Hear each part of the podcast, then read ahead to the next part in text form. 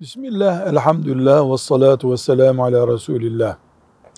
Gencin şöyle bir sorusu var. Babam dul bir kadınla evlendi. Annemden başka bir kadınla evlendi.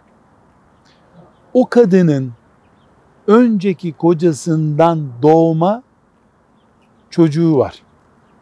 Ben onunla evlenebilir miyim? Yani babasının üvey kızıyla evlenebilir mi? Diyoruz ki dinen babanın ikinci karısının başkasından doğan yani babandan doğmayan çocuğuyla evlenmende dinen bir sakınca yok. Ancak yörenin aile şartlarının mevcut örfünüzün bunu sana ne kadar müsamaha edeceğini ve senin ne kadar kaldıracağına da dikkat etmende fayda var diyoruz. Velhamdülillahi Rabbil Alemin.